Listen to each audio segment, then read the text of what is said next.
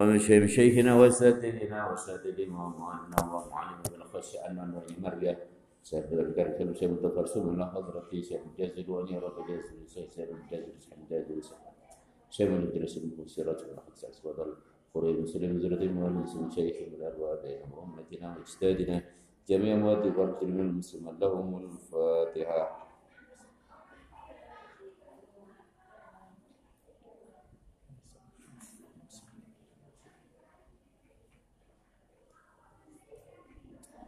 مع شفقايا أعوذ بالله من الشيطان الرجيم بسم الله الرحمن الرحيم ما أصابك من حسنة فمن الله وما أصابك من سيئة فمن نفسك وأرسلناك للناس رسولا وكفى بالله شهيدا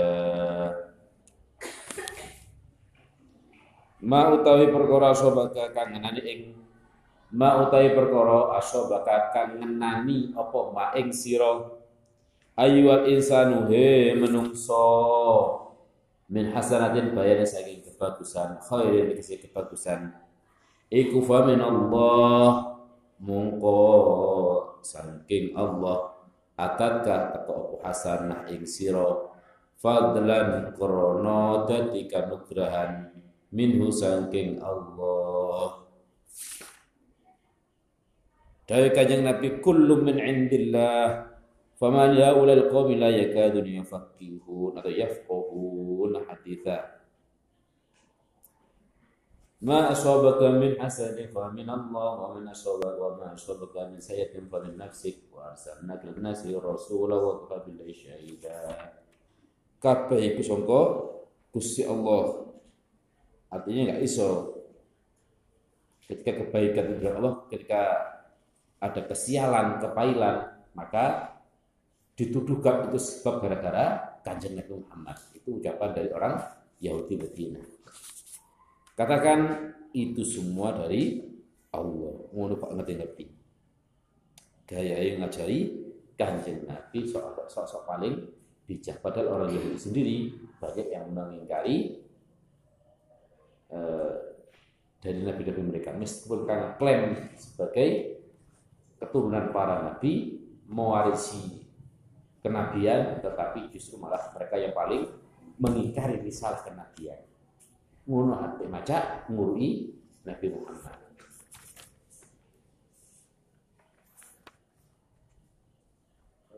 Apa yang baik itu datang dari Allah dan yang pahit musibah itu datang dari diri sendiri atas dosa-dosa. Wa ma lam ta'i perkara asabaka kang ngenani apa? Ma ing sira min sayatin bayane saking keolowan baliyatin tegese bilai iku famin nafsik mongko saking awak dhewe sira. Atat kata ko opo sayi'ah. Barang on paite urip. Iku asli teko awakmu dhewe. Hai sur takatta ing dalam sekiranya ngelakoni sapa sira ma ing perkara staujibuha kang ngahaki atau kang majibake apa ma ing sayi'ah. Minad dzunubi bayan saking berpira dosa. Musibah kepailan azab laknat itu gara-gara ya teko maksiatan yang engkau lakukan. Maka engkau sendiri yang mengundang bencana sing bencana adalah karena kita sendiri atas dosa-dosa kita. Dawis Sayyidina Aisyah sedikit pun kepahitan meskipun hanya sekedar kena duri di jalan. Iku minangka saka dosane awak dhewe. Tetapi yakinlah bahwasanya apa yang kita alami dari musibah itu hanya sedikit dibanding dengan rahmat dan maghfirah Ada di coba dibanding ambil nikmat yang diberikan Allah kepada kita rahmat itu masih banyak rahmati Gusti Allah. Saking ada kurang pinter, syukur sing didelok kaitan karo Gusti Allah mesti musibah. Apa sih ini dulu ya Allah? Delok nikmat-nikmat yang lain yang diberikan oleh Allah itu tidak terhitung. Maka itu yang harus disyukuri. Hanya ujian. Wong sing diuji iku mergo ada dalam jalur rel dalam jalur keimanan. Lha sing enggak iman ya gak perlu diuji, laknat sing ono. Wa arsalna kalan ngutus sapa ingsun Allah ing sira ya Muhammad wa Muhammad bin nasim maring rasulan dadi utusan.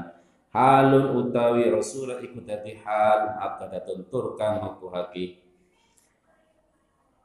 Kue Muhammad jalan mergo ngaji tafsir.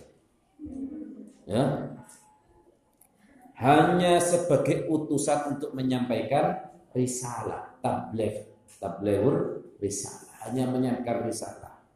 Wa kafalan cukup sebab Allah, sebab billahi Allah. Ba'iba zaidah. Apa ni syahidan kang nakseni uto kang joko ala risalah tika ing oleh dadi utusan siro engkau hanya terutus mewakili Allah untuk menyampaikan risalah. Engkau hanya basyir wa nadhira, menyampaikan kabar baik kepada orang yang beriman, menyampaikan kabar ancaman kepada orang-orang kafir. Hanya sebatas itu, tidak sampai untuk jogo. Wong kudu sampai ngelakoni ibadah, tidak. Wa kafa billahi syahida. Syahida bimaknani hafidhon utawa e, sebagai nabi menyampaikan risalah atau di tafsir yang lain itu syahidan dia menani hafidun kudu joko sampai kue kudu sembahyang kabeh. Enggak. Seperti disampaikan risalah kue akan dani iki wajib sholat. Kue dia pangeran iki mbok lakon iki ya dosa. Ana pangeran sing nyekseni perbuatan. Hanya sebatas itu saja. Tidak megang otoritas setempel kue rokok kue sugo tidak oleh. Itu karena apa itu haknya Allah Subhanahu wa taala. Soal hidayah itu otoritas Allah kewenangan Allah. Wong itu Islam atau enggak eh itu bukan urusan Nabi Muhammad. Seperti disampaikan. Prinsip dakwah itu hanya menyampaikan saja. Soal jaminan dia masuk Islam itu wa kafa billahi syahida. Kajian Nabi mekur rasulan saja. Man utawi sapa wong iku yuti' manut sapa man ar-rasula ing utusan faqat ata'a mengko temen manut sapa man Allah ing Allah. Wa man yatawalla wa man taisapa tawalla minggu sapa man a'rata tegese minggu sapa man antaat sing ngepekti ing Allah wala yuhimmannaka muka ojo nganti mrihatinake temen sapa man ing sira Fama arsalnaka alaihim hafidha Fama arsalnaka mungko ora ngutus sapa ingsun ing sira. Iki ana juga. Fama arsalna mungko ora ngutus ingsun ing sira alaihim ing atase man. Man bisa bermakna mufrad bisa bermakna jamak hafidhon halewo kang joko hale kang joko hafidhon terus kang ngarso kang joko li maring piro piro amali man bal nadhiran bal halewo kang meten-meteni wa ila nalat iku maring ingsun Allah amruhum utawi perkara man. Wa ila iku maring ingsun ingsun Allah amruhum utawi perkara man. Fanujazihim mongko bales sapa ingsun ing man. Wa hadza lan utawi ikilah uh,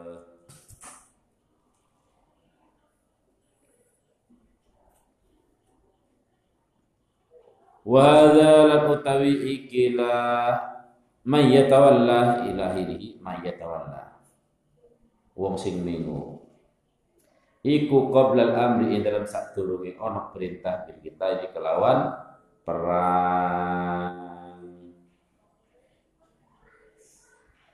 Jadi awal-awal proses keislaman iku yo kudu lunak awal kali di Mekah, awal kali dakwah. Ini kanjeng Nabi lunak. istilahnya tetap memperhatikan kondisi para sahabat. Yang Nabi kalau kita baca di hadis di Bulughul Maram, Isya itu kajian Nabi iso ada dua waktu pelaksanaan.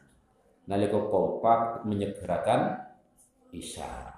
Tapi sahabat padha kendo iku di akhirkan. Berarti oh, sangat bijak kajian Nabi tahu akan kondisi jamaah.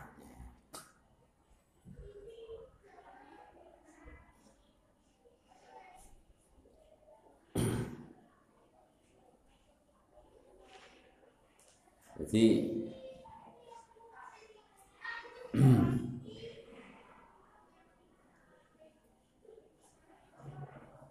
Mayyuti'ir Rasul faqad atau Allah wa may yatawalla fama arsalnaka alaihim hafidho. Sapa wong sing gelem bekti nang Kanjeng Nabi, manut nang Kanjeng Nabi, maka sejatinya dia adalah manut taat nang Gusti Allah. Karena inti dari ketaatan kepada kanjeng Nabi sejatinya taat kepada Allah.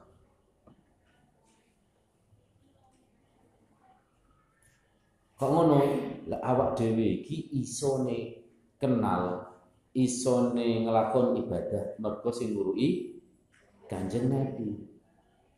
Maka ketaatan kepada Kanjeng Nabi sejatinya taat kepada karena ada tahu dari Imam Syafi'i di dalam kitab Nawawi itu kita bisa sholat, puasa, zakat dan ibadah haji dan yang lain atas perintah-perintah e, ibadah yang datangnya dari Allah itu karena faktor diajarkan oleh Nabi dan dicontohkan oleh Nabi maka sejatinya taat nang Nabi bodoh karo taat Gusti Allah. Sebaliknya membangkang membantah perintah Nabi sama dengan membantah Allah, menentang Allah. Fama arsalna alaih, fama arsalna ke alaihim Engkau tidak terputus untuk menjaga, ngawasi amale wong. Oke beruntung di pondok sih diawasi. Jadi omah sopo. Hah? Bapak nawono sembahyang sembahyang itu urusan. Itu urusan ini. Ketika di pondok sih tadi urusan pondok Ketika di pondok bisa urusan tak sembahyang, telat jamaah, ketinggal berapa rakaat itu sudah dihitung di absen. Ini oh mas apa sih ngontrol. Maka beruntung ada lembaga seperti pesantren ini yang bisa membentuk karakter secara tarbiyah terdidik. Bukan sekedar pengajaran. Itu kalau di sekolah, di sekolah oh, duduk diam mendengarkan mendengarkan guru. Di pondok, ya ngaji, ya pengetahuan, dididik, dipaksa untuk aktif. Nggak ada lembaga yang pendidikan seperti ini, nggak. Hanya di pesantren. Kuliah, sudah paling hebat. Apa ya ngono? Foto dosen teko lungguh nerangno, ayo cari buka-buka buka. Cari refleksi sendiri. Diskusi ngono tok. Ngono jaluk barokah, barokah zondi. Ya, ditirakati ya. Pernah ada kiai yang nantang ketika hadir di perkuliahan kita tahu nangis nirakati mahasiswamu menang gak harus jamin ini di pondok kia ini nangis bengi-bengi no santri dunia akhirat ditirakati. Beda banget. Beda banget. Taruh sistem pendidikan di luar pesantren jauh. Isen diukur apa? Ya gaji